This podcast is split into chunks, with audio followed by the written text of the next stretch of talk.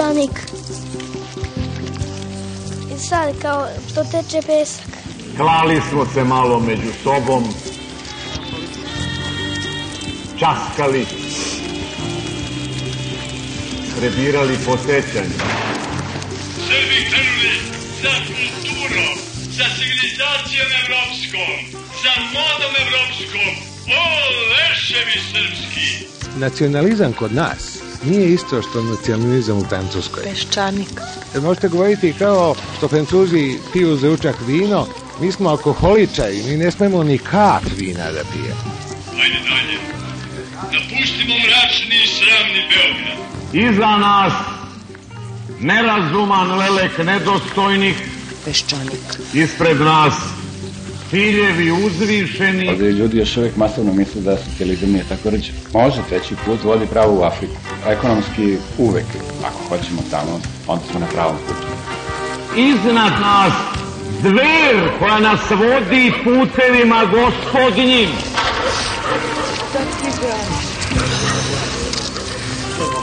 I da ne zatvorim oči. Peščanik. Ja mogu da zamislim Srbiju kao najdinamičniju zemlju na Balkanu i jednu košnicu sa malo trutova i puno radilica. Ako ne uspemo, niko nam neće biti kriv. Dugo smo, dugo još putovali. Dakle, mi smo izgubili 5. oktobar, da tako kažem. Nepredviđen. Na televiziji vidim da se i rezultat drugog svjetskog rata promenio. Ugleda smo u bistroj vodi naša lica. Prema tome, ja očekujem da će Srbija krenuti nešto novo tek kad pobedi Turke na Kosovu. I iznenada briznut smo u plač. Peščanik.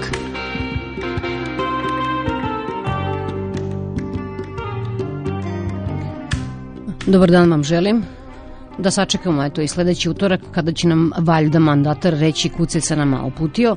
Za sada se ponaša kao onaj lepi princ, zahvaljujući čijem će čarobnom poljubcu lepotica nacija, koja je utonula u dubok san, početi da se budi i da živi novim životom.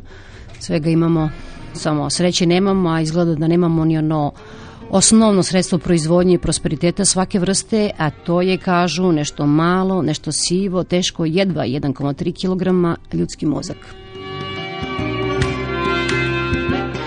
Utešna je ona atinska mudrost da minevrina sova poleće tek kad se spusti mrak.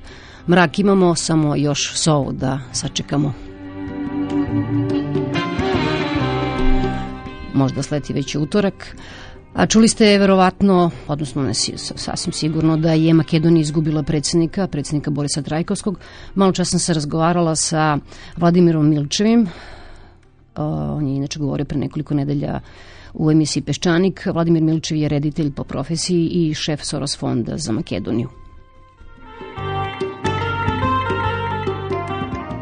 Sad se na taj element šokiranosti koji je naravno rezultat i toga da u memoriji građana Makedonije postoji još uvek vrlo snažna trauma vezana za atentat na predsednika Gligorova. Dakle, dva predsednika od nezavisnosti Makedonije, jedan atentat i jedna avionska nesreća.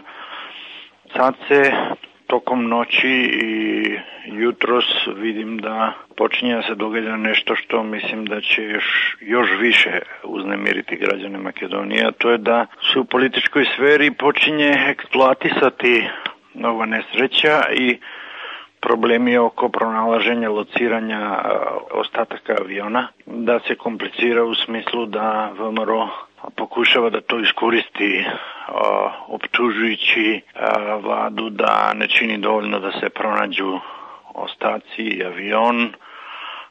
Tako da mislim da će, da će šok trajati produženo i mislim da nam predstoji jedan period u kome će cela politička agenda biti e, uzdrmana jer u jednom izuzetno kratkom roku Makedonija treba da izabere predsednika, dakle predvremeni predsednički izbori Mislim da može se desiti da se Makedonija nađe u istoj onoj situaciji u kojoj je Srbija, a to je da na duži period ne može da izabere predsednika.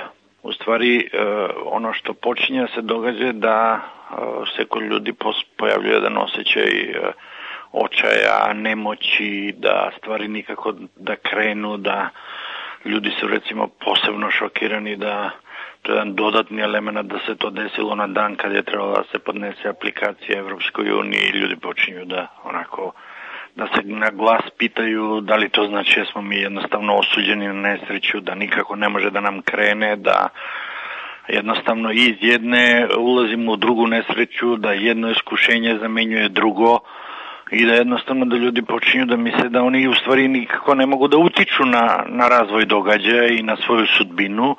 To može da dovede u jednu situaciju kompletne apatije i beznađa. Pa najviše mogu da profitiraju, ja mislim, oni koji, uh, koji praktično su se od trenutka kad je, uh, kad je izbio oruženi sukob 2001. praktično je počela da raste distanca između predsednika Trajkovskog i, oni ko, i onih koji su ga doveli na vlast, jer su se na, našli na različitim stranama. Predsednik Trajkovski je bio na strani onih koji su tražili rešenje za sukob, a, pokušavajući da izbegnu da Makedonija upadne u građanski rat, dok su njego, ljudi koji su ga doveli na vlast, dakle Ljubče Georgijevski, Arben Džeferi, e, su počeli da voze liniju koja je vodila direktno prema građanskom ratu, prema podeli zemlje, zastupajući jednu ideju i to čini i dan danas, u stvari da praktično da samo jedno nacionalne države imaju budućnost da Makedonija treba da se podeli, da to bude propraćeno razmenom stanovništva i tako dalje i tako dalje. Dakle, ti ljudi sad su na drugoj strani gde de facto se odriču svojih potpisa na Ohridskom ugovoru. I tu je ta linija razgraničenja. Ja mislim da ljudi u stvari koji bi želeli da se Makedonija destabilizira, da, da ona ostane zakopana na Balkanu, da se ne približi Evropi, dakle ljudi koji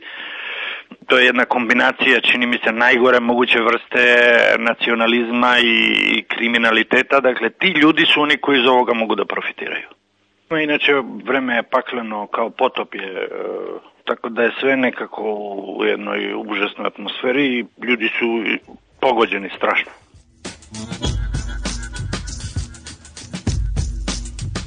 Čuli ste Vladimira Milčeva, strašno je To su Makedonci na ovakav način izgubili predsednika, jedino što je moglo da se desi gore, to je da su ga ubili. A, govori Biljana Kovačević Vučo iz Jugoslovenskog komiteta pravnika, Jukom inače prati redovno suđenje o sumničenjima za ubistvo Zorana Đinđića. Biljan Kovačević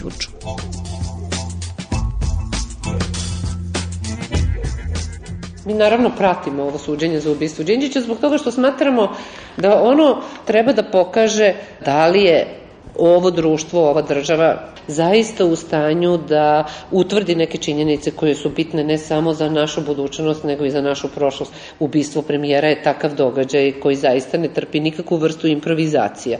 Neće moći da se utvrdi u sudu ni svi centri moći koji su stajali, neće moći da se utvrdi u sudu ni ko je sa kim šta petljao, to je sigurno da neće moći da se utvrdi i to će ostati naravno u domenu teorije zavere, isto kao što i Kennedyjevo ubistvo bilo sa mnogo, mnogo sumnji, ali je suđenje jako važno u stvari da utvrdi one činjenice koje su neposredno vezane za ubistvo premijera i ono što se utvrdi u sudu, to će biti zvanična istina o ubistvu premijera, što ponavljam, neće zaključiti neku javnu raspravu i društveni razgovor o tome istorijske činjenice koje će izlaziti na videlo. Neće se preko njega pisati istorija, ali će to biti veoma značajan faktor u otkrivanju svega onoga što se dogodilo, naravno ukoliko e, suđenje bude izvedeno do kraja. Mi smo zapravo suočeni sa time da se protiv njih vodi užasna kampanja i to ne samo od advokata odbrane koji se nalaze u postupku, i nego se vodi kampanja i preko medija i preko stručnjaka i preko predstavnika nevladinih organizacija i preko opozicije u stvari nije više opozicija, buduće vlasti, ta negacija suda zapravo takođe indukuje ljudima u svest na jedan veoma perfidan način i jako opasan zaključak, a to je e, da se vlada nije tako ponašala. Da Zoran Đinđić nije bio takav kakav jeste, ne bi se sve to dogodilo. Tako se maskira u stvari suštinsko pitanje koje ovde nije postavljeno, a to je koliko je vlada mogla da kontroliše zaista razne centre od bije pa nadalje, koliko su postojali određeni neformalni centri moći i strašno sam oprezna kad ovo govorim, bojeći se da ne uletim u teoriju zavere, koliko je opozicija obstruirala, koliko je ona zapravo doprinela da zapravo vlada nema kontrolu nad onim centrima nad kojima bi ona morala da ima kontrolu kao najodgovornija za funkcionisanje sistema za funkcionisanje države. Zapravo je specijalni sud postao paradigma napada na vladu i preko specijalnog suda se zapravo pokušava dokazati kako je vlada bila nesposobna bilo za šta i kako je u stvari vlada napravila specijalne sudove ne bili pokrila svoju odgovornost za zločine. Suđenje nije još ni počelo u punom značenju te reči, ali da je došlo malo do promene uloge dželata i žrtve i da se ta priča permanentno plasira u javnom mnjenju, kao da sud postoji i da on zapravo treba da sakrije stvarne zločine i tu se izgubio ubijeni premijer Đinđić. Izgubio se, nema ga više i on zapravo ispada kao predsjednik vlade koji je maltene prouzrokovao da se to sve dogodi. E, to je strašno. E, postoji još jedna stvar. Obično, strategija odbrane, taktika odbrane, nazovite to kako hoćete, ali u svakom slučaju ona ide da se propusti suda, i to je ono što je mene jako začudilo, obično prečutkuju tokom samog postupka da bi se ta argumentacija čuvala za žalbu, da bi presuda mogla da se obori ukoliko nisi zadovoljan njome. Malo me je to zapanjalo zašto reaguju na te stvari i onda sam shvatila da je to da je to suđenje više usmereno ka javnosti nego što, nego što ponašanje e, pojedinih advokata odbrane ide na odbranu njihovih klijenata. Nije zapamćeno u istoriji pravosuđa da advokati napuste ovaj sudnicu. I moram da kažem samo jednu stvar. Ono što se obično smatra e, da je advokatu sve dozvoljeno u odbrani svog klijenta, jednostavno nije tako. Po kodeksu advokatske etike jedna od e, veoma važnih zabrana advokatu jeste poistovećivanje sa klijentom. Znači, ne sme da učestvuje u prezentaciji dokaza za koji zna da nisu tačni i slično. Ima još jedna stvar, advokat je dužan da poštuje sud i da se uljudno vlada.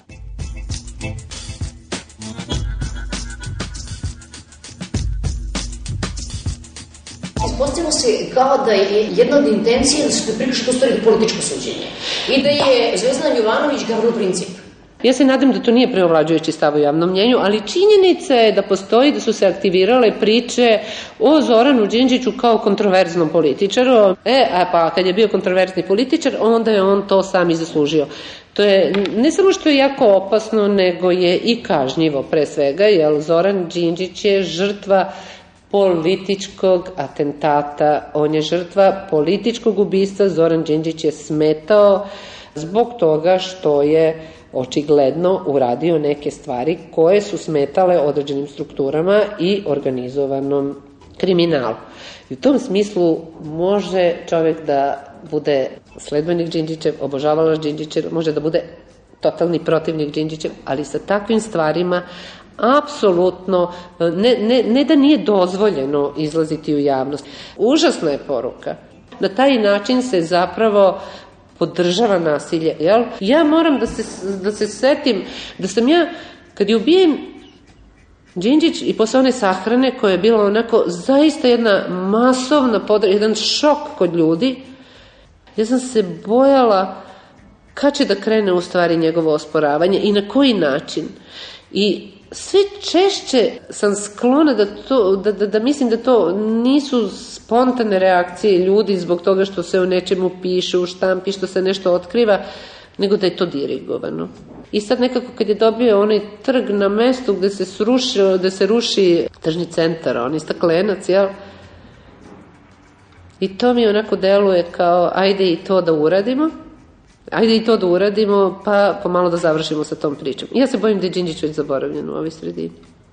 I da je e, to tragedija zapravo, dodatna tragedija u odnosu na tragediju da je on već prethodno ubijen. Ovo nije raskidni sa demokratama, ovo nije raskidni sa DOS-om, ovo nije raskidni sa prethodnom vladom, ovo je definitivni raskid sa Đinđićem i to je neka stvar koja meni lebdi u vazduhu i koja me totalno poražava zato što mislim da je to onako užasna stvar. I sada imamo zapravo vraćanje na scenu retrogradnih snaga, šalim se, je ono što se kaže kontrarevolucija, opet se šalim, ali jeste to to zapravo. Mi imamo detroniziranje Đinđića u ovom trenutku i to do te mere da je mnogo važnije napraviti raskid sa Đinđićem, čak i pod uslovima odustajanja od legalizma, znači revolucionarnim putem, znači odlukama bez presedana, mi zapravo sad imamo raskid sa Đinđićem i znači čak eto, neki manje, neki više, ali neće da imaju veze ni sa demokratskom strankom, jer možda može još uvijek neko da poveže demokratsku stranku sa Đinđićem, a nemamo raskid sa Miloševićem, niti smo ga ikad imali, a da bi to potvrdili, čak smo pristali i na podršku Miloševića u novoj vladi i to sve pod e, paravanom toga ipak je ovo, ovo su bili izbori protiv ove e, vlasti od tri godine.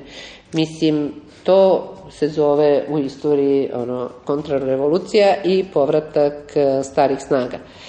E sad, ja stalno tvrdim da sam legalista i stalno tvrdim, ne znam zašto mi ne veruju, ja sam bila legalista i u vreme DOS-a i smatram da je legalizam jedna jako važna stvar i da je to suština vladavine prava, ali isto tako e, kada se izlazi iz jednog režima u drugi, revolucijom, a izbor Vojislava Koštunica jeste bio revolucija i zapaljena je skupština i zapaljena je i to revolucija sa elementima nasilja, što može da se održi. E sada, kada mi jedan taj revolucionarni čin nismo mogli da provedemo na legalistički način, znači i revolucija ima svoju, svoj legalizam, a to je prekid sa prethodnim Miloševićevim pravnim sistemom, odricanje od njega uz zadržavanje tih tehničkih pravila i određenih normi koji nemaju ideološki sadržaj, i naravno totalno odricanje od Miloševićeve politike. Kad smo tu zauzeli ambivalentan stav i kad to nismo uspeli da izvedemo do kraja, ja smatram da je besprizoran ovaj raskid sa do, politikom DOS-a.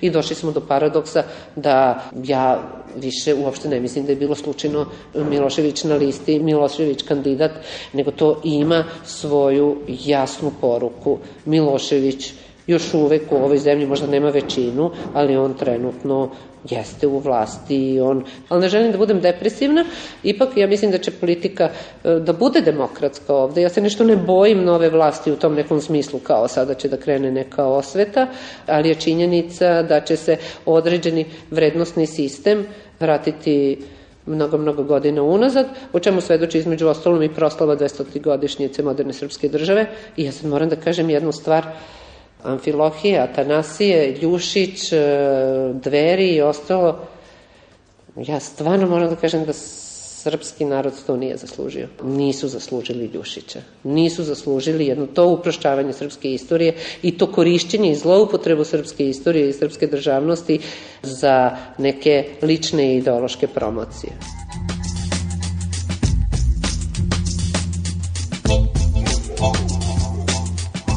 Milošević nije mogao da ode u Hag zbog toga što je postojala ustavna odredba da državljani zemlje ne mogu da budu izručeni stranim državama.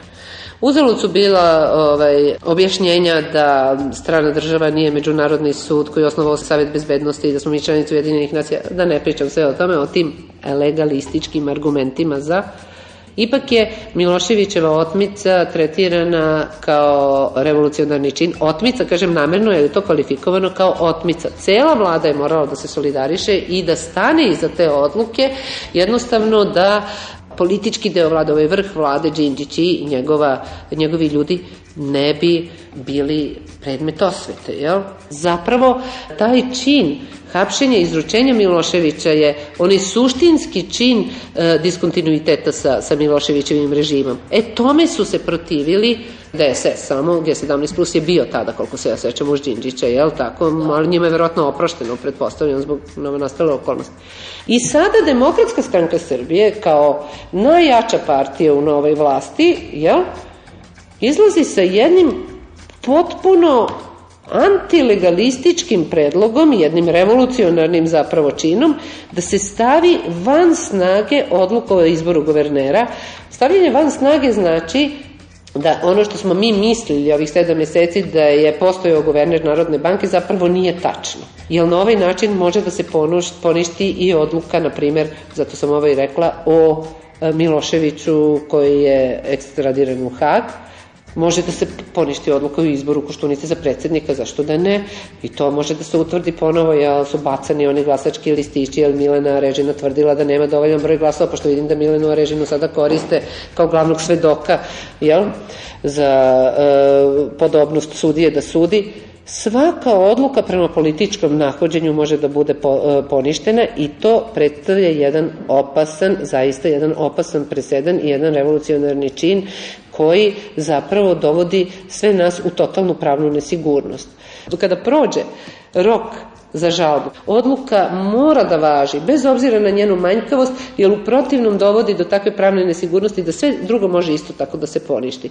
I u tom smislu poništavanje izbora koje je upravo izvršeno i brisanje, brisanje iz službenog lista mene podsjeća na ono retuširanje fotografija sa sahrane Mao Tse-tunga, gde je prvo nestala njegova žena, ili na ono isecanje fotografije Đila Stranković Tito u pećini, a, ishitrenosti izbora novog guvernera, eventualni konflikt interesa kod njega i slično se nekako stavlja u drugi plan, jer onako vrlo vešto se afera takozvanog Bodruma stavila u prvi plan, tako da su sada svi zgroženi. Kako je to moglo da bude, tako da sve ove posljedice koje premašuju uzrok zapravo više niko ne vidi i oni koji ukazuju na to da je to opasan presedan bivaju prozivani po novinama kao što mene prozivaju, ali dobro, to, to mi ne smeta nešto naročito, ali ja čvrsto stojim iza ovoga što govorim i tvrdim da će se ovo obiti veoma mnogo glavu novoj vlasti i novoj vladi i da su oni otvorili Pandorinu kutiju koja se zove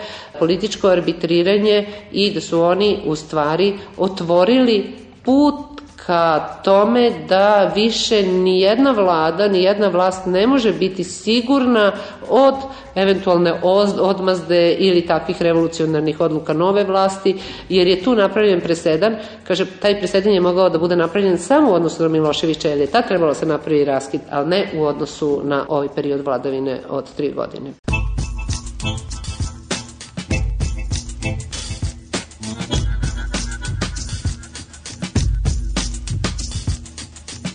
Nastavlja gospođa Biljana Kovačević Vučo iz Jukoma.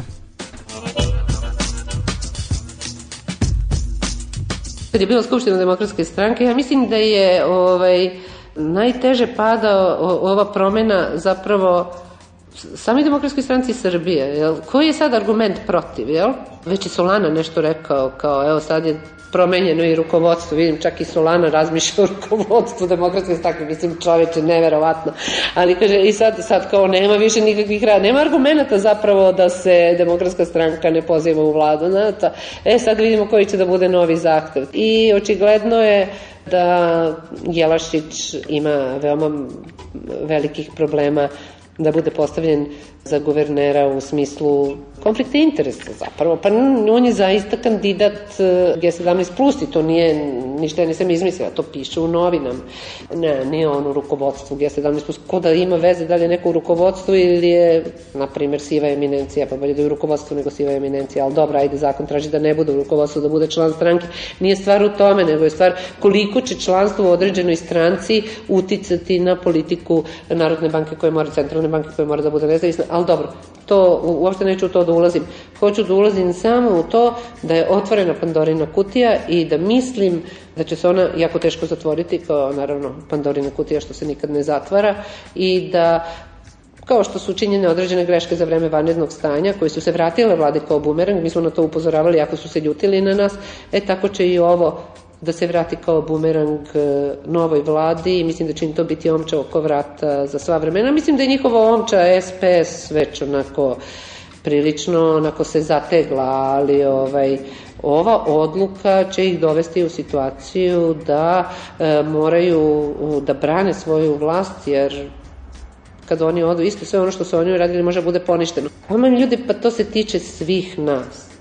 Otkud znam da li će da ponište odluku o nadziđivanju u mojoj zgradi, nemam ja veze sa tim, da li će ponovo zgrada da mi bude u šutu, mislim kad moram tako da vulgarizujem. Ne znam šta će sve poništiti, osjećam se nesigurno. Bez obzira što nas oni ubeđuju da smo srušili e, ovu vladu zato što nam se nije dopalo kako je ona vladala i zbog toga što su nas oni doveli u takvu i takvu situaciju.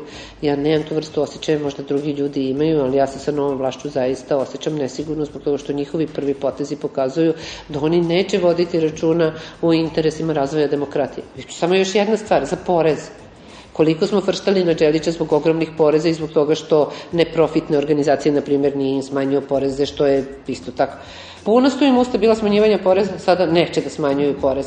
Vojislav Koštunica izlazi jedan od sistemskih zakona, čuj, sistemskih zakona je zakon o nevladinim organizacijama, u tim nevladinim organizacijama koji plaćaju ogromne poreze, isto kao i duvanska industrija ili ne znam ko, mi plaćamo kao kompanije poreze i svi to znaju, znači nemamo nikakve olakšice, umjesto kaže daj da vidimo kako ćemo to da iskoristimo, on kaže da vidimo, pošto su u strankama zabranili da se finansiraju, ko će da ih finansira, da vidimo ko to plaća te nevladine organizacije i već ide na onaj Miloševićev diskurs strani plaćenici domaći izdajnici, ovo sada mi zvuči onako prilično preteći. Oni zapravo ne znaju, oni ne znaju međunarodno pravo, oni ne znaju, oni jednostavno misle da smo mi kokštapleri koji smo došli do lakog načina zarade.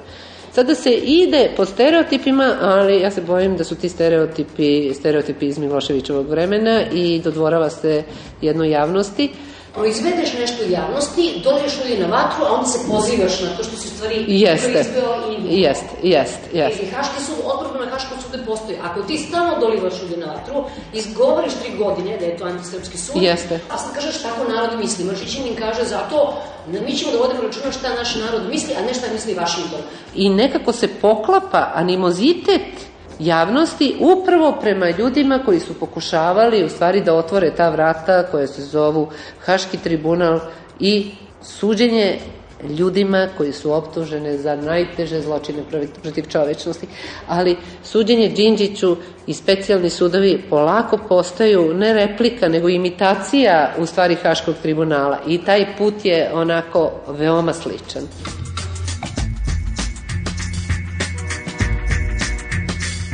Sećam se, učestvovala sam sa Vučelićem na Pinku i on je nešto bio frštao, vikao, urlao, drao se, sve što se vi uzbuđujete kad ste vi pobedili.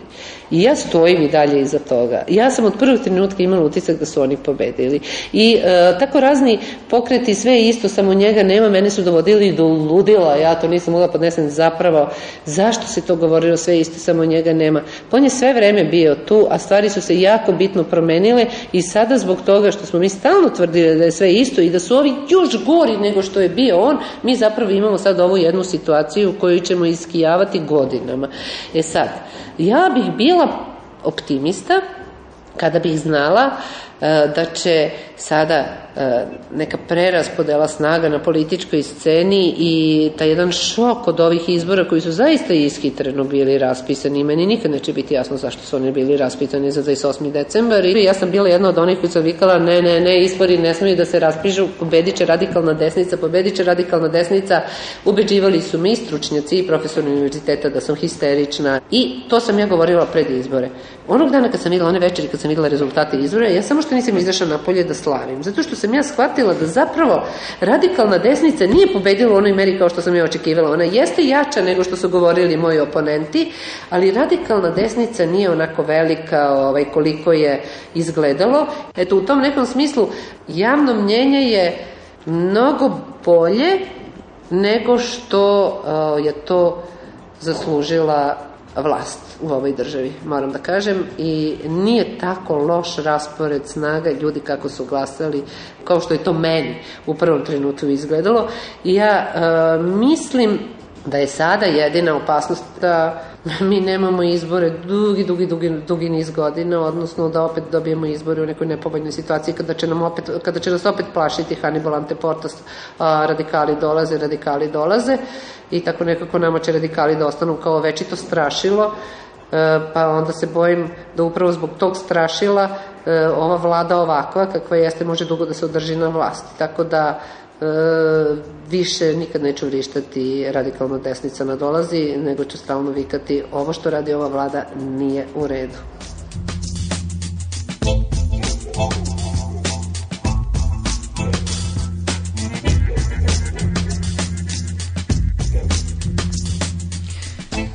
U organizaciji Fondacije za mir i rešavanje krize Borisa Vukobrata u Beogradskom rektoratu je organizovan okrugli sto pod nazivom Reforma kako dalje.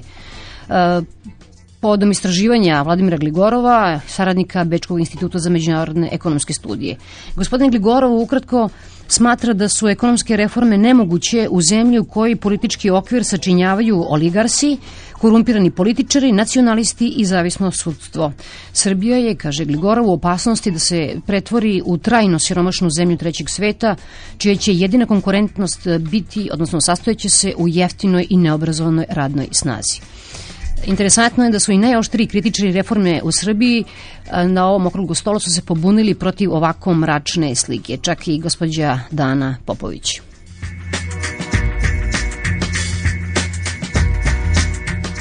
Nije adekvatno porediti Srbiju u trećoj godini tranzicije sa, sa Slovenijom koja je u desetoj godini tranzicije koja se ništa nije desilo. Kada se ja poredim sa najrazvijenijim zemljama u tranziciji, zaista u Srbiji se ništa ne dešava. U Srbiji kao Srbiji na planu monetarne politike zaista je došlo do, do prevrata. To nije monetarna politika iz doba Miloševića. Naravno, napravljena je prava pravcata liberalizacija cena bez inflacije. Hoću da kažem da sličnosti sa Miloševićem režimom po svim ovim pitanjima nema. Ovo su stvari koje nas od, tog režima razdvajaju. Bez obzira na količinu kredita, donacije, šta smo već dobijeli, e, nikad žetva u socijalizmu nije plaćena drugačije nego iz primarne emisije. Dakle, i tu je prekid. Tačka e, sledeća da je sve veća korupcija jedna od najvećih korupcija, dakle korupcija na carini, to je ono što je zaista bilo najstrašnije, je značajno promenjena. Sada se više ne radi o institucionalizovanoj korupciji i direktnoj vezi između vrha vlasti, vrha države, sina predsednika i carinskih organa koji švercuju kamione, toga više nema.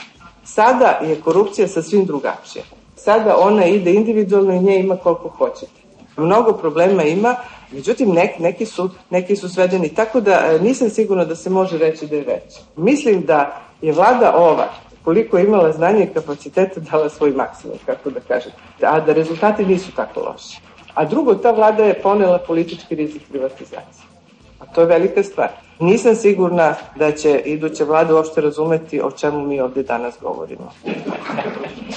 U vladinom tekstu se iznosi da Srbijom vladaju oligarsi. I sad ja samo hoću da prikažem ovaj grafikon Svetske banke o dobitnicima i gubitnicima u tranziciji koji pokazuju da su oligarsi insajderi uvek u prvoj fazi tranzicije ti koji će da pokupe kajmak. Ne, nije ovo uteha. Jednostavno, ova gornja linija pokazuje da će dobitnici u tranziciji u prvoj fazi biti oligarsi insajderi. Da će najveći gubitnici biti radnici u državnom sektoru i da je njima najbolje bilo u tački nula na početku tranzicije da nikad više neće tako dobro da im bude. I da su oni prirodni neprijatelji svakoga ko hoće da pravi bilo kakvu tranziciju.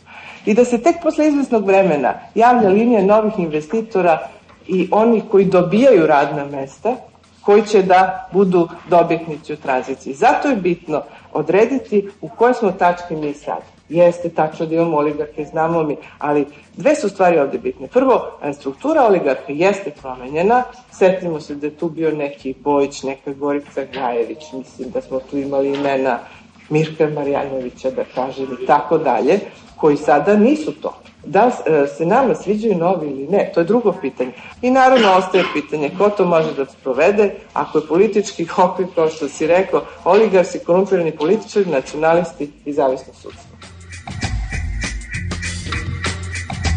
Bilo profesorka Dana Popovića, sada govore ekonomista Ljubimir Mađar i ministar financija, se izvinjam se Dinkiću, bivši ministar financija Božidar Đelić.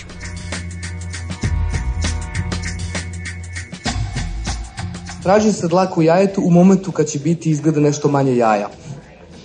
Srbija je 10 godina bila u izolaciji, izgubila dve trećine svog bruto domaćeg proizvoda, tokom 90-ih kada je razvijeni svet doživao najveću ekspanziju od industrijske revolucije. 90-ih se stvorio mnogo veći broj milionera u Americi nego u celom veku pre te decenije. Kao primer, ali to znači da i u Francuskoj i Nemačkoj se stvorilo veliko bogatstvo, a mi smo bili u zapečkoj izolaciji. U onome kvartalu kada Srbija izlazi iz, izola, izlazi iz izolacije, svet ulazi u najdublju recesiju posle one 29. godine. Da smo baksuzi, nismo baksuzi, to je druga stvar, ali činjenica je naša ključna tržišta, Nemačka, Italije, druge su imale anemični rast, nula od 100, pa čak i negativne godine u Nemačkoj i bilo bi veoma loše da u momentu kada najzad svet, tamo gde treba da prodajemo naše robu i naše usluge, će imati malo više prostora za sve to, da u tom momentu mi sebe ponovo izbacimo iz ove utakmice. Što se tiče Brisela, činjenica da se traži od komesara Patena da da izveštaj do 25. i 27. marta šta radi nova vlada da bi odlučilo da će biti programa CARDS od 250 miliona za Srbiju ili ne, to je unikat u istoriji Evropske unije. Jedini drugi put kad su to uradili, to je kada je Makedonija trebala da promeni njen ustav da bi dala veća kolektivna prava albanskoj manjini. Tada je uslovila svoju pomoć. Nikada drugo, evo ga, za nas je to uradila. Onaj koncensus o kome je kolega Vlahović pričao je trajao pet nedelja, do hapšenja Miloševića. Od tog momenta onaj blok zbog koga sam se ja vratio je pokazao prve pukotine i eksplodirao je u momentu njegovog izručenja. Nikako da pređemo na drugu temu. I posljednja stvar, naravno, to je efekat, rekao bih, razarajući time što čovek koji je bio ličenje jedne veoma jasne priče u smislu brzog priključivanja Evropi, evroatlantskim integracijama i ekonomskih reforma, gospodin Đinđić je ubijen, a dodatni udarac na to je izuzetno poguban projekat cepanja reformskog bloka od ne više od milion, milion dvestotina glasača kroz formiranje nove partije G17+, koja uopšte nije proširila to glasačko telo, nego je ga pocepali na dve polovine i uvela mehanički rivalnost tamo gde je trebalo da bude saradnja i gde je trebalo da se formira jedna od dve e, najveće partije koje trebaju da vuku. Kao neko ko je bio više od 60 pregovora sa raznim socijalnim partnerima, pa sve do zastave gde sa kolegom Vlahovićem smo videli e, i pokazali šta je to ekonomska reforma, ali ona realna, kad se kaže istina ljudima koliko ona bila bolna, mogu da vam kažem da u našem društvu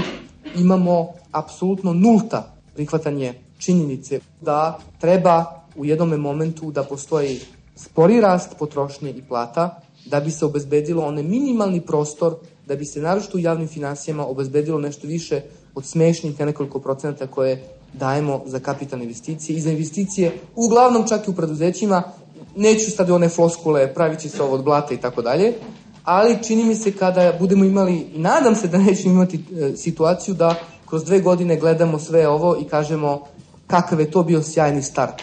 Sve do ubistva Đinđića, lomljenja u reformskom bloku, impresivno, možda nikad viđeno u istoriji Srbije na ovaj način, da li je moguće da je to još jedna šansa koja je propuštena?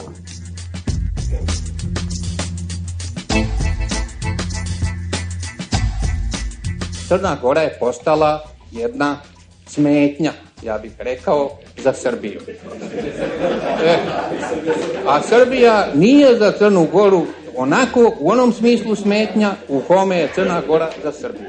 Molim vas, ili ostanite, ali onda ostanite za jedan dugi period, a ne već sledeće godine da nas nervirate i da nas mučite, jeli? ili se lepo izdvojite. A kao što sam ja već imao prilike da kažem, nije Srbija smetnja za odlazak Crne Gore. Crna Gora nema problema sa Srbijom, kad bi tamo postojala politička volja, Crna Gora bi sutra mogla da se, da se izdvoji Srbija, niti bi imala snage, niti bi imala volje da je spreči.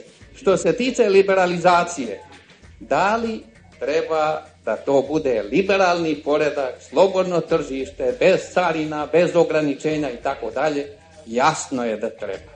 Ali potpuno drugo je pitanje. Kako iz ovog krša u kome se nalazimo doći do te situacije? Tempo kojim treba liberalizovati i kretati se prema tom poželjnom sistemu i poredku zavisi od stepena u kome smo u stanju da aktiviramo domaće preduzetništvo. Optimalni tempo nije trenutno liberalizovanje i trenutno privatizovanje, to što u javnosti se javljaju nekakve želje da se to malo, malo uspori, da se oladi sa tim promenama, to nije lišeno i ekonomskog rezona, po mom mišljenju. Kaže, investiraju stranci u našu privredu, kroz privatizaciju. Nije to nikakvo investiranje. Kad ja prodam kuću, ja nisam investirao, nego dezinvestirao. Posebno to nije investiranje ako on kupi neku našu firmu i taj novac uđe u budžet i pokrije budžetski deficit i ode na, na penzije i tako dalje. Politički sistem jeste izmenjen i to najbolje znaju oni koji su živeli sve vreme tu, dok je bio Milošević, zna se da je bilo, bila sva vlast skoncentrisana u, u jednom paru ruku, a ovo od 2000. te nadalje nije savršeno, ali ni nalik nije na, na tu koncentraciju vlasti. Dakle, politički establishment je od 2000. godine na ovamo znatno slabiji u odnosu na javnost, na građane. I to je najlepša vest koja se mogla 2000. godine čuti i koja još i sada i dan danas istinita i mnogo mi je lepo da živim u zemlji u kojoj vlast nije jaka. Bio je profesor Ljubomir Mađar, a čućete i Danila Cvjetičanina, njega je dosta nervirao Vladimir Gligorov, odnosno njegove teze. Dakle, govorit će Danil Cvjetičanin i naš stari znanac profesor Miodrag Zec. Šta bi kolega Gligorov uradio da se nađe u svetu koji je ovde preporučio? Interesuje me da li stavovi politički, političke observacije koje su ovde iznete, da li su to stavovi kojima on utiče na javnost u svetu ili su stavovi pod uticajem stručne javnosti u Evropi i svetu. Jer to nije isto.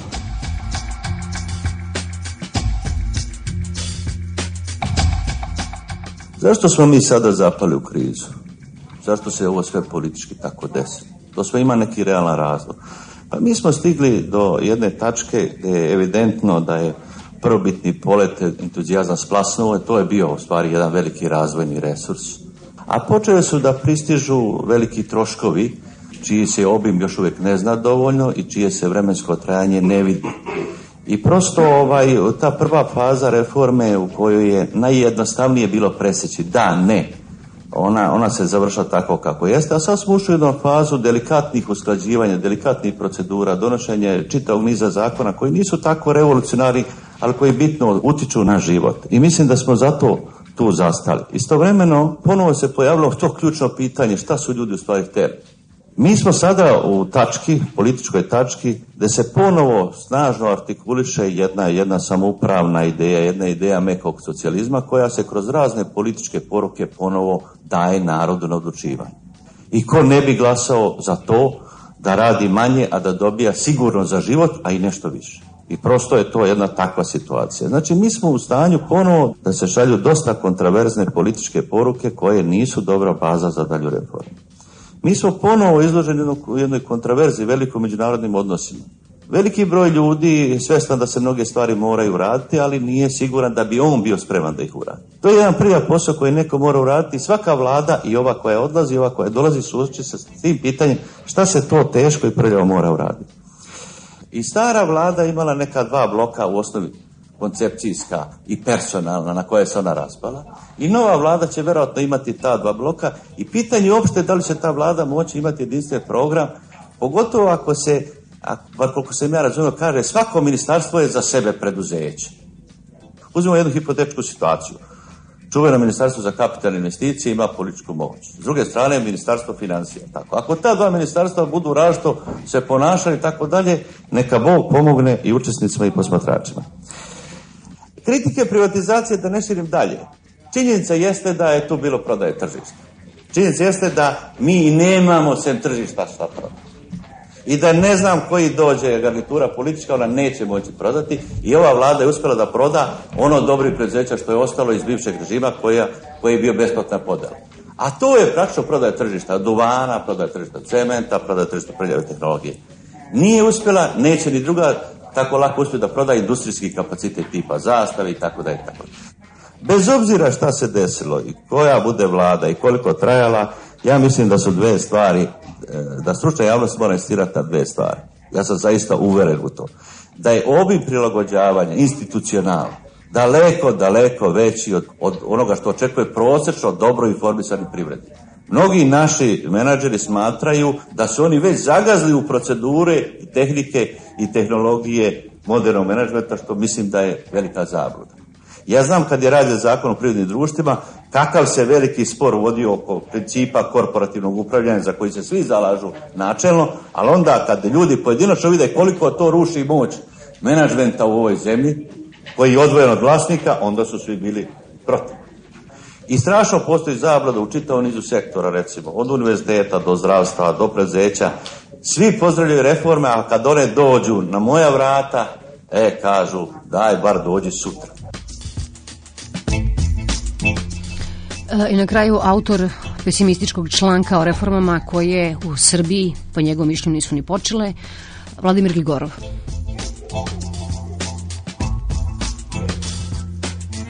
Ključna teza mi je bila ta da taj neki režim se možda nekako razložio u nekakav provizorijum ili čak nešto određenije od toga što kaže Nebojša, ali da nekakvog sistemskog prevrata ili sistemskog promene nije bilo. To je poenta. Ja recimo se sećam ljudi koji su mi govorili e, posle kad je Milošević došao na, na vlast, e, a ja bio u nekakvoj demokratskoj stranci, to nije dugo trajalo, kako se bitna stvar promenila kako nema nikakvih kontinuiteta između Miloševića i onih prethodnih.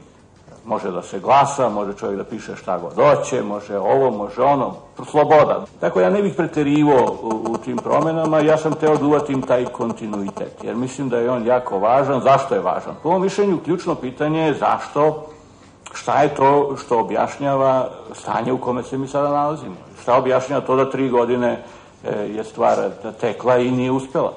Po mom mišljenju, prekid radikalan, kakav sam ja video u drugim zemljama u tranziciji, ovde nije izvršen. Nije to isto kao u Mađarskoj, nije to isto kao u Češkoj, nije u Poljskoj.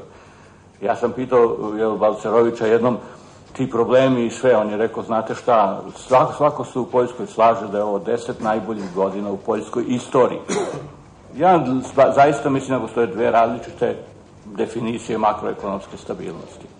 Jedno je da vi oborite posebnu inflaciju sa 120 na procenata na 12. To je jedno, oborite inflaciju.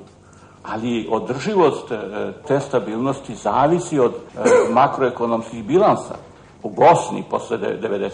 Stopa inflacije je bila niža nego u Sloveniji, Češkoj, Poljskoj, Mađarskoj i tako dalje. Nema ničeg lošeg, niti nužno dobrog u tome.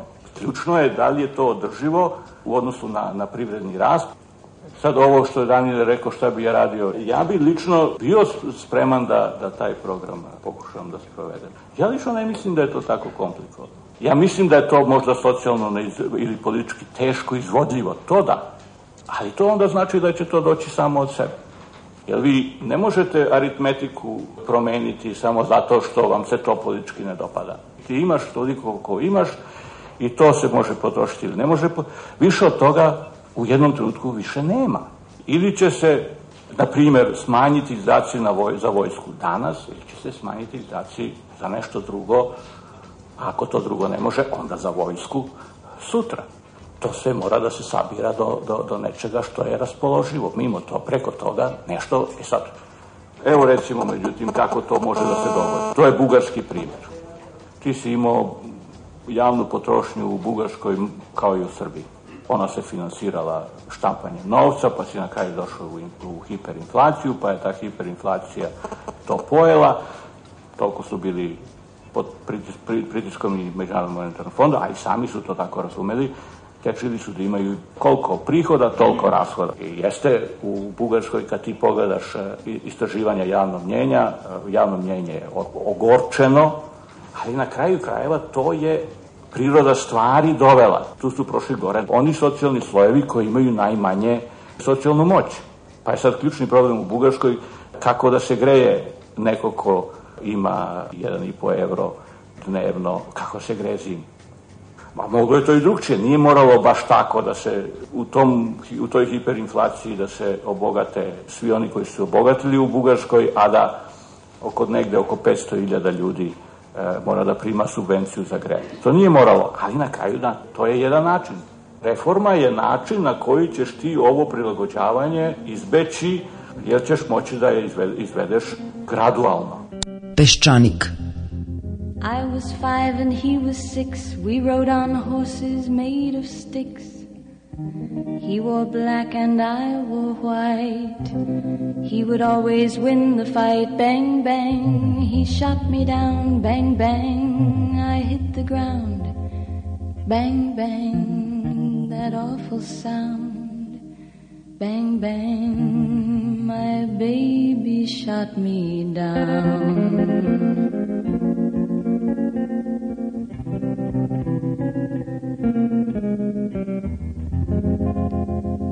Seasons came and changed the time. When I grew up, I called him mine. He would always laugh and say, Remember when we used to play? Bang, bang. I shot you down, bang, bang. You hit the ground, bang, bang. That awful sound, bang, bang. I used to shoot you down.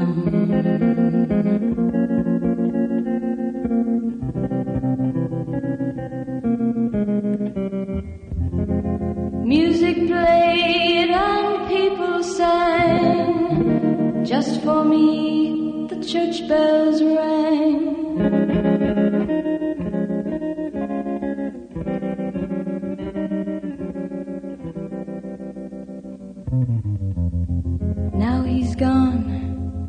Don't know why. Until this day, sometimes I cry. He didn't even say goodbye, he didn't take the time to lie. Bang, bang. He shot me down, bang, bang. I hit the ground, bang, bang.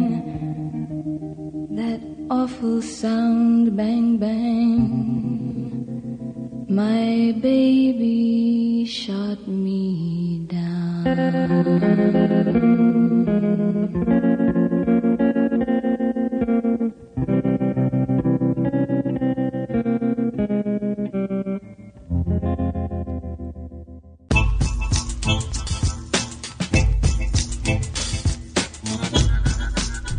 Na ovom međunarodnom skupu, na, odnosno ovom skupu ekonomista koji ste čuli, bio je i gospodin Rorio Sullivan, on je inače šef Svetske banke za Srbiju i Crnu Goru. Oni njegove kolege iz MMF-a i drugih međunarodnih finansijskih institucija ne mare mnogo za koštuničnu listu prioriteta, na kojoj naravno nema Haga i drugih neprijatnih tema koje nerviraju narod. Oni su mu poslali faks otprilike sa spiskom takozvanih sistemskih zakona i rokova u kojima se oni moraju osvojiti, rokovi su uglavnom odmah. Evo, pitali smo gospodina Miroslava Prokopijevića, ekonomista takođe, šta misli o ovoj poruci koja stiže od međunarodnih finansijskih institucija našem budućem, odnosno našem mandataru. Prvo za to udruženje netržišnih fondova mi do sada nismo čuli. Kamo sreće da su oni rekli još skupa sa zapadnim administracijama još početkom 2001. nećete dobijati podršku ako ne budete radili reforme. I bit će podrške tačno toliko koliko ima reformi i koliko su one kvalitetne. To se nije desilo. Sad se odjedan put pojavljuju i iznose zahtev za jedan broj zakona.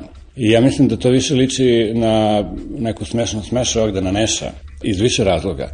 Elementarni razlog je da prvo niste to radili do sada, čemu to sada. Drugo, Svetska banka je pre mesec dana rekla, evo ovde je nekoliko raspoloživih kredita, treba samo da, ne znam, potpišete, ispunite neke minimalne uslove i da to uzmete što je bila više kao molba. Sada, posle mesec dana, oni se pojavljuju maltene sa pritiskom i prekorom. Treće, taj broj zakona koji gde dolazi desetak sistemskih zakona, po ovoj zemlji za ove tri godine nije doneto deset sistemskih zakona. Zbog čega mislite da su onda to uradili? Strani donatori? Da, da. Ja mislim da tu prevladava nešto što oni uporno skrivaju, znači njihovi lični interesi. Za slučaj da sada vlada promeni koncepciju i kaže mi smo vrlo zaduženi, a mi jesmo vrlo zaduženi, Znači, naš unutrašnji dug je 14 milijardi skoro dolara i naš spoljni dug je narastao skoro na 14 milijardi dolara. Znači, u slučaju da vlada promeni tu koncepciju da kaže sad ćemo da pazimo kako ćemo se zadužujemo, ićemo više na privatizaciju, na prodaju koncesije i tako dalje, umesto da uzimamo pare i da povećavamo dug, jer tako je nekad rađeno, tako radilo se i ove protekle tri godine. Međutim, to jednog dana sve mora da se plati. U tom slučaju, ti projekti koji su započeti do sada, Znači, oni koji su ih vodili dobiju jako lošu ocenu od svojih organizacija i gube te položaje koje imaju. Znači, ne čuda radi, Rory O'Sullivan kaže, uzmite ovo da ne bi otišlo u Albaniju, Time on kaže, meni je mnogo lepše da sedim u Beogradu nego da sedim u Tirani, što mu ja verujem. Ali ne može se na stvari ličnog egoizma graditi jedan program koji je u suštini besmislen, jer mi smo sve te pare spiskali praktično da nikakve direktne vajde nema. To što smo mi napravili od kredita koje smo uzimali kaže da kad uzmemo 100 dolara, vrednost koju mi napravimo nije 120 dolara, nego 20 ili čak ništa. Znači, u takvim uslovima potpuno je besmisleno govoriti da neki kredit e, ima smisao. Međutim, e, znate kako, kad e, recimo MMF uspostavi program sa Gabonom, Gabonska vlada ima jedan dosta veliki manevarski prostor, može da poveća stopu inflacije, da bude veća nego što je dogovorena, da bude budžetski deficit veći nego što je dogovoreno, manji izvoz i tako dalje, veći trgovinski deficit. I svejedno, sve dok se to kreće u nekim normalnim granicama, MMF neće obustaviti projekat Gabonu. Zašto? Stane li projekat, to se knjiži kao minus ekipe koja je to na terenu sprovodila i minus po celoj liniji sve do nekog potpredsednika MMF-a. I oni gube vrlo unosne pozicije, jer ne zaboravite da regionalni šefovi Svetske banke imaju po 20.000 dolara u ovim nesrećnim balkanskim zemljama, plus troškovi i koje šta. Znači, nikome se ne gubi tako nekakva stvar i sve se to odvija i na kraju, recimo kad se napravi studija posle 10 godina, konstatuje se program bio potpuno neuspešan, ali ti ljudi više nisu na tim mestima, oni su otišli na neka druga.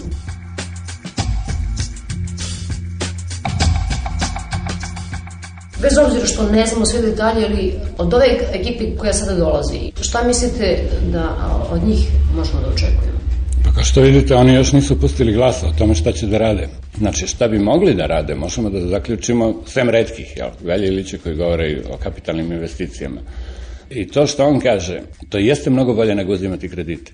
Ali pitanje šta ovde u ovom času može da se obezbedi od kapitalnih investicija. Jer ne zaboravite, od kad je prodat Beopetrol i dve fabrike duvana, to je bilo početkom septembra, od tada do danas, dakle pet meseci, nema najave ni jedne veće investicije, izuzev najave neke američke grupe koja će blizu Beograda da podigne fabriku veštačkog džubriva vrednu 50 miliona dolara. Znači, jedan autoput u ravničarskim predelima kilometar je milion i po dolara.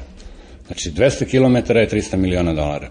Ko će da uloži 300 miliona dolara u ovakvim okolnostima? Znači, to je vrlo dubiozno da li će do toga doći ili neće doći. Što se tiče generalno neke orijentacije vlade, tu nema ni govora o nekom programu, valjda ćemo ga čuti narednih dana, što je vrlo neobično, jer ako se sećate, kad gledate primjera u drugim zemljama, već od trenutka kad je neko izabran, on počinje da priča o tome šta će da radi, pa onda jednog dana sastaje vladu, pa ima ekspoze i tako dalje i tako dalje.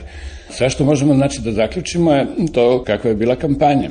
A kampanja je bila što se ekonomske stvari tiče prava katastrofa, ne samo zbog nerealnih cifri, to je najmanji problem. Prosto duh kampanje u ekonomskom delu nije valjao. Znači, sve stranke su poručivale, išle u dva pravca, nacionalizam neke su ga zvale ekonomski patriotizam, neke zaštite domaće, znači protekcionizam. Znači, taj program i u jednoj i drugoj verziji, nacionalističkoj i socijalističkoj, on se svodi na to da država radi sve, da mi izvrnemo sve četiri uvis i da uživamo u blagostanju. To je užasno pogrešno. Ono što e, treba i što iziskuje tržična privreda je skroz suprotno. Tako da se ja bojim da otprilike ništa dobro neće doneti ta vlada u ekonomskom smislu, ona će prosto, ja se bojim, iskoristiti veliki nivo siromaštva i kazati ovde je državna aktivnost neophodna, jel, da bismo sad pomagali ovoj grupi, uzimali od ovih, a davali onima. I mislim da je to stvar koja će nas e, jednostavno zadržati na tom razvojnom nivou gde smo uz možda blag pad ili čistu stagnaciju rasta. Neće biti svakako dok taj način razmišljanja funkcioniše. Zna se sada da su ti resori i da će e, baratanje novcem biti u velikoj meri povereno G17+. Koje su po vašem mišljenju njihove intencije? Da li to taj upravo čuveni ekonomski patriotizam? Ili... Pa ne vidim šta bi drugo moglo da bude. Kad god se govori o ekonomskom patriotizmu, konačno pogledajte njihov izborni program. Njihov je možda najtipičniji po tom etatizmu. U toj stvari su vrlo onako napravili neprijatno iznenađenje, jer 96. 7. sa onim programom su išli od države ka tržištu. Makar da je to bilo nedovoljno, ali to je bio pravi pravac. Sad se vraćaju nazad državi. Ono što se čudim pak kod njih je da su nekako halapljivo pokupili skoro sve ekonomske resore i što je to jedan politički dosta naivan potez, jedan od mnogih njihovih, čini mi se, jer će sutra, kad stvari zaglibe još dublje, sva odgovornost biti svaljena na njih. Ali tu izgleda žeđ za foteljama bila jača od svega i blokira racionalno rasuđivanje.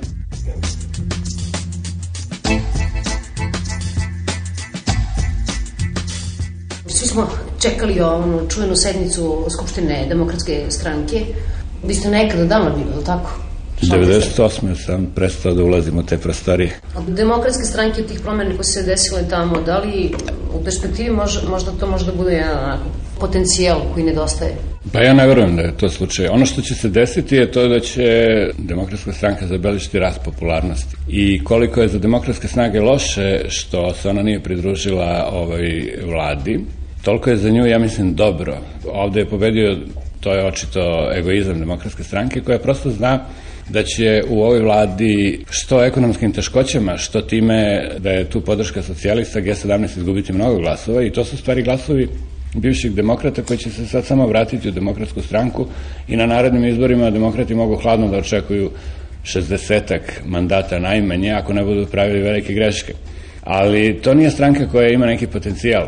Zašto? Tu je praktično u vrhu ostala ekipa koju je ostavio pokojni premijer, koja je pravljena izrazito bazirana na negativnoj selekciji, dakle on nije dopustio da u vrhu stranke ili u stranci bude bilo ko ko je makar samo jedan stupanj niže od njega, nego je tražio da taj bude mnogo manjeg stepena sposobnosti i vi praktično kao rezultat toga danas u toj stranci e, sem Ivana Vuječića koji je ambasador nemate ni jednog valjanog ekonomista, protržišnog ekonomista, to ne postoji. Nemate ni jednog pravnika od formata. I mislim da će oni prosto iskoristiti moment da će drugi biti u teškoćama, jel, da će ovu vladu potrošiti silne teškoće, a da će G17 dodatno potrošiti i podrška socijalista, tako da će oni na narednim izborima sigurno odlično proći. Ali, e, kao što će biti najveći dobitnici narednih izbora, veći od radikala, ja mislim, veći će skok imati sigurno. Tako će biti najveći gubitnici onih tamo narednih, jer će ljudi videti da tu nema ništa. Nažalost. Proći će, ja mislim, dugo vremena dok se stranke prosto ne otvore i dok uopšte, to je najveći problem, ja mislim, kod nas, i na univerzitetu, i na tržištu, i u državnoj administraciji, jednostavno nema konkurencije. Nekad u demokratskoj stranci nije bilo tako, ali je zato došlo do te poznate skupštine na kojoj nije prošao alternativni predlog i praktično sve što je valjanije se povuklo iz te stranke ili je izjureno, ja ne znam tačno baš slučaj za svakoga. Hoću da kažem da 5. oktober je za nas strašno važan jer je čovek otišao koji nas je uvalio tolike nevolje ali je strašno nesreća tog dana što mi nismo imali valjane alternativne ekipe i videli smo ove tri godine kakve su i vidjet ćemo i sad dalje.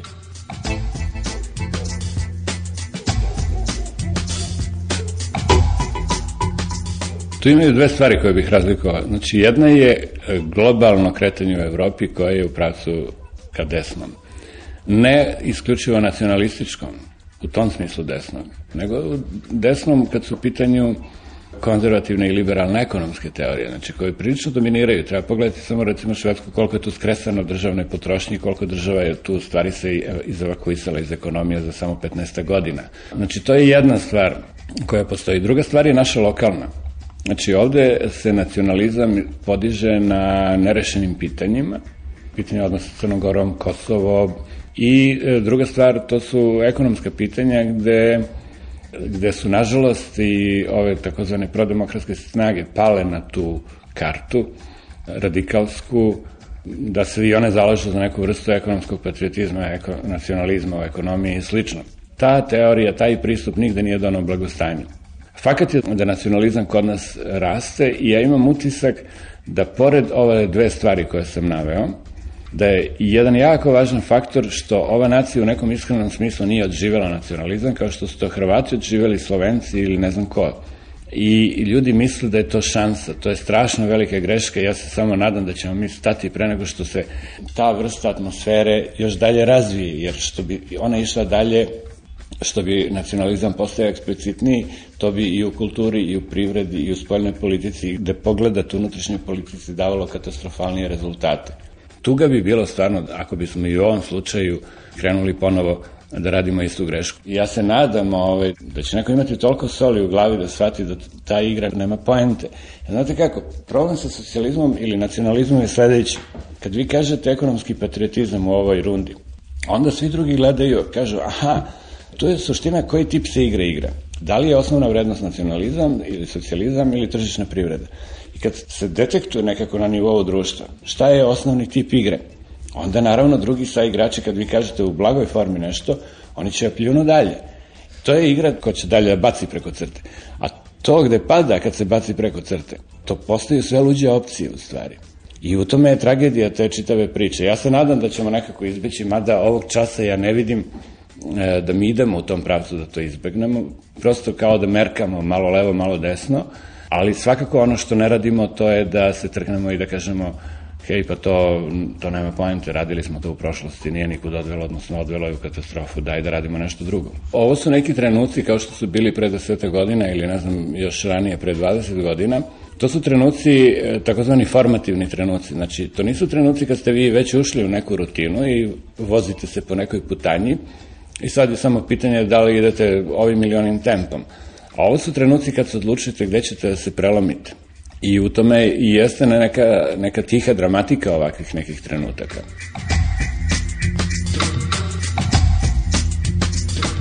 Bio ovo Miroslav Prokopjević, a za kraj pitali smo reditelja Dejana Mijača šta misli o vladi koju ćemo dobiti sledeće nedelje, o vladi koju će formirati mandatar, koga ću i ja, kad vrbi rodi grođe, morati da zovem premijerom. Govori Dejan Mijač. Ja nisam upoznat sa svim političkim resursima koji kod nas postoje. Ljude ne znam, jeli. Ali ipak, ipak posmatram, vidim, uočavam i tako dalje. I uvek kada dođe do ovakvih poremećaja, ovo je za mene jedan poremećaj, desi se da baš ono što ne bih voleo da vidim, to se desi. To je, to je kako kažem, malte nešto što, što, što, me, što me prati posljednjih 15 godina. I kad se pojavi tako neko ime i neka ličnost i kažem, negde u sebi za zebe mi kažem, e baš ne bi valjalo kad bi ovo bilo nešto, ovo ime i, o, i ova pojava bila nešto što odlučuje o meni i mojoj okolini, ono se baš kao za inat to i desi. Da baš taj i ta pojava, jer je to povezano sa sve takvima, i bude. Ono što, što bi u našem narodu rekao, sve moj do mojega.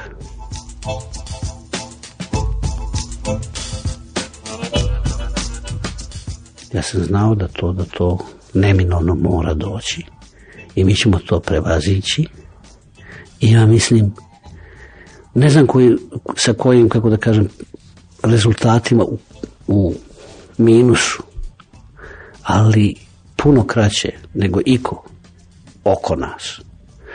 Svi ovi što su danas tako jako grlati i tako dalje, moraju da znaju jednu prostu, ono narodnu, ničija druzora nije gorela, a još moraju znati jednu, jednu, jednu stvar koja je neumitna. Oni nisu političari ukoliko ne se glede. Ako ja kao dumster za, za tu stvar mogu to da vidim, onda je to, mislim, svakome jasno. Srbija, ne zbog toga što je Srbija, je postavljena na jedan kolosek u pravcu kretanja jednog voza koji ide zna se gde. I niko tu više ne može stati, skrenuti ili šta ja znam. Može usporiti. Može izazvati lom osovine na vagonu. Može napraviti bilo kakvu štetu. Ali je to nezaustavivo. I to mora dođe na svoje. Živi bili pa videli. Ja možda i neću doživjeti, ali vi ćete sigurno. Deset godina je kratak rok za neku, kako da kažem, istoriju. Neće trajati deset godina. Ovaj udar, ovaj poslednji trzaj. To je kao, kako da kažem, sneg u martu ili aprilu. Nema više zime. Proleće se vidi, e sad, ima mraza, ima da vam uništi cvet, ima da vam uništi sve što je voće. Može da nas smrzne pšenicu, može da napravi grdnu štetu, ali povratka na zimu nema.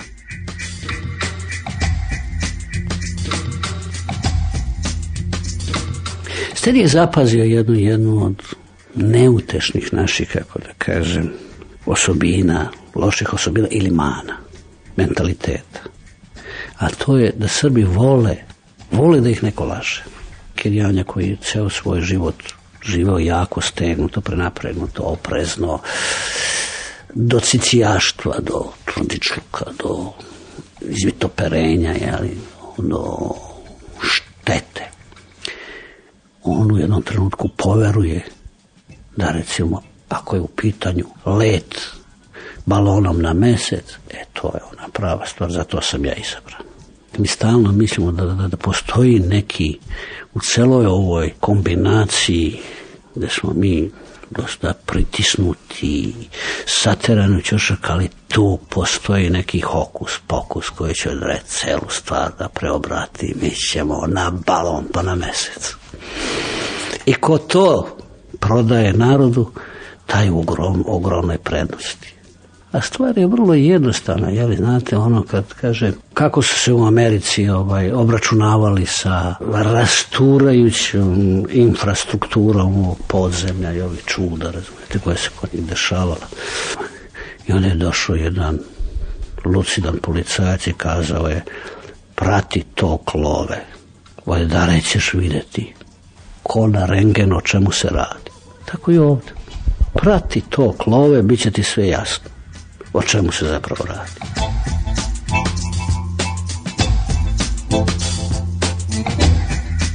Ja kad sam bio u Kolumbiji, postoji taj grad Bogota koji ima, ne znam, 8 miliona i ne znam koliko stanovnika, koji je na prekrasnom mestu, gore u Andima, na ogromnoj visoravni, prosto kao neko, neko, neko nebesko čudo, nezemaljska stvar, jel? Postoji taj narod koji živi u favelama, postoji to, to što vri na ulicama, postoje kvartovi, to su semiramidini vrtovi, to vi ne možete da, da shvate kakve su to hacijende, kako je to ograđeno, šta, na šta to liči. I postoji jedan ne, neo, neoborivi, kako da kažem, utisak, materijalni, ovako da vidite da je to zemlja sa ogromnim prirodnim resursima, sa ogromnim bogatstvom i narod koji grca u siromaštvu da neko to uporno radi da bi u tome imao te svoje semiramidine vrtove.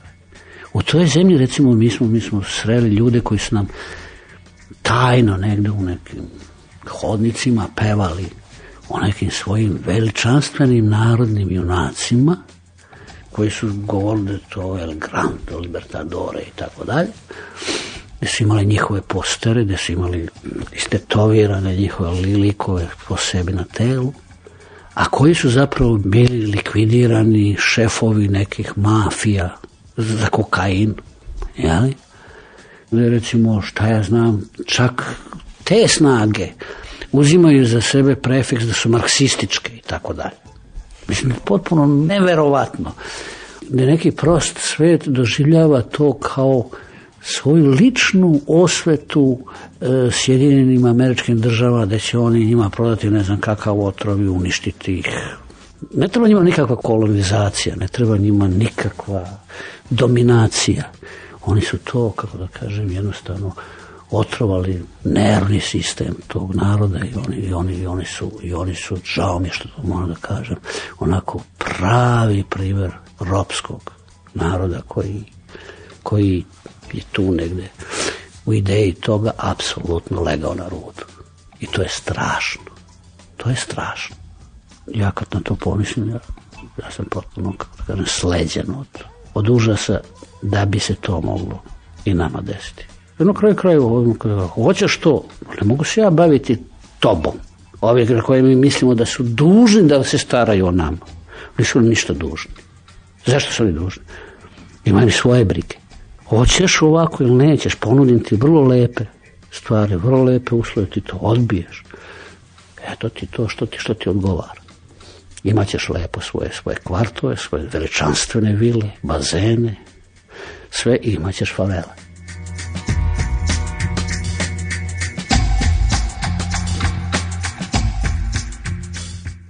Radikala? Ma kakve? Ma kak, nemojte uopšte da imate bilo kakav strah, nije to, to je, to je, Ni To je, ma nije, to se sve speklo, steklo. u jednoj- To je jedan, jedan, jedan, kako da kažem, grč.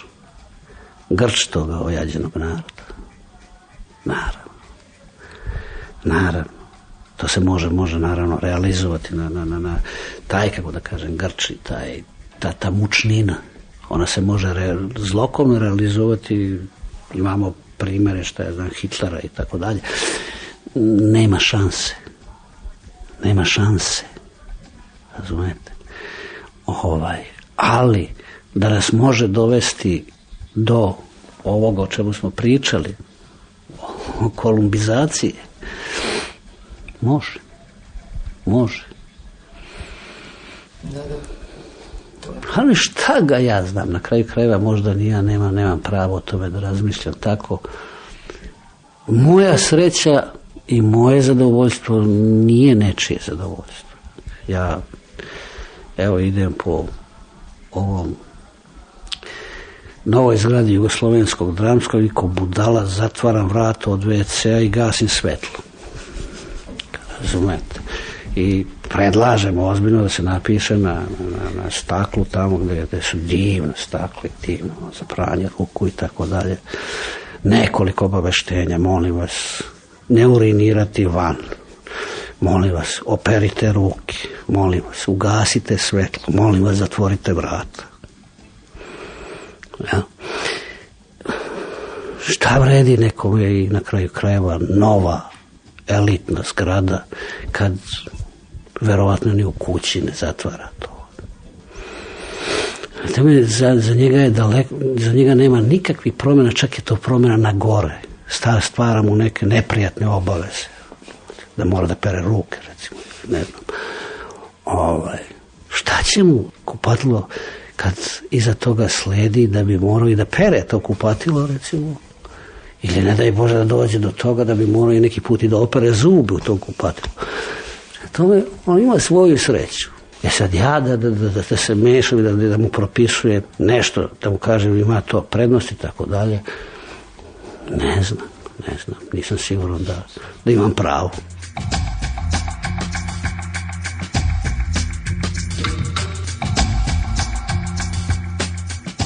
Negde mi je ostao u sećanju neki, neki, neki poslednji susret kad sam ja isto tako poslom, ovim poslom, nevoljnim poslom po sebe, sreo ga.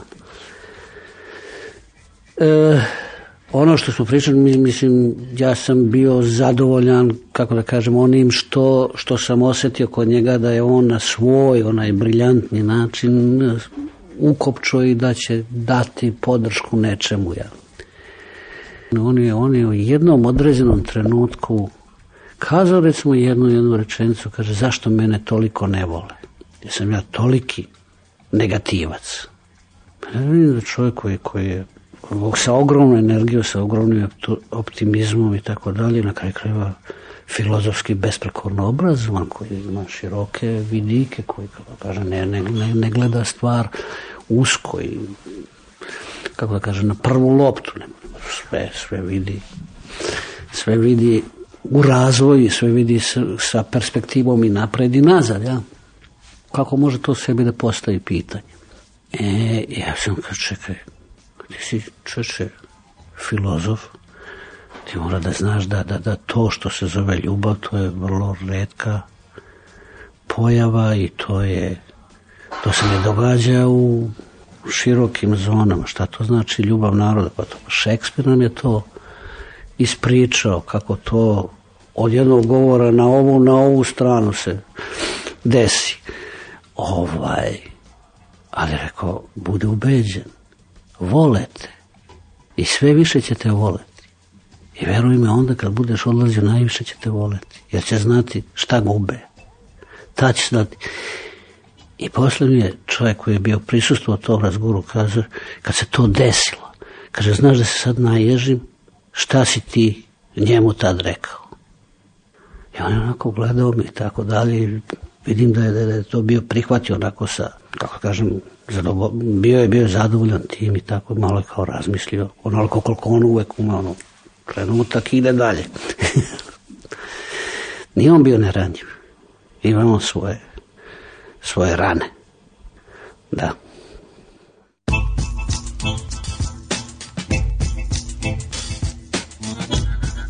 Bio je gospodin Dejan Mijač.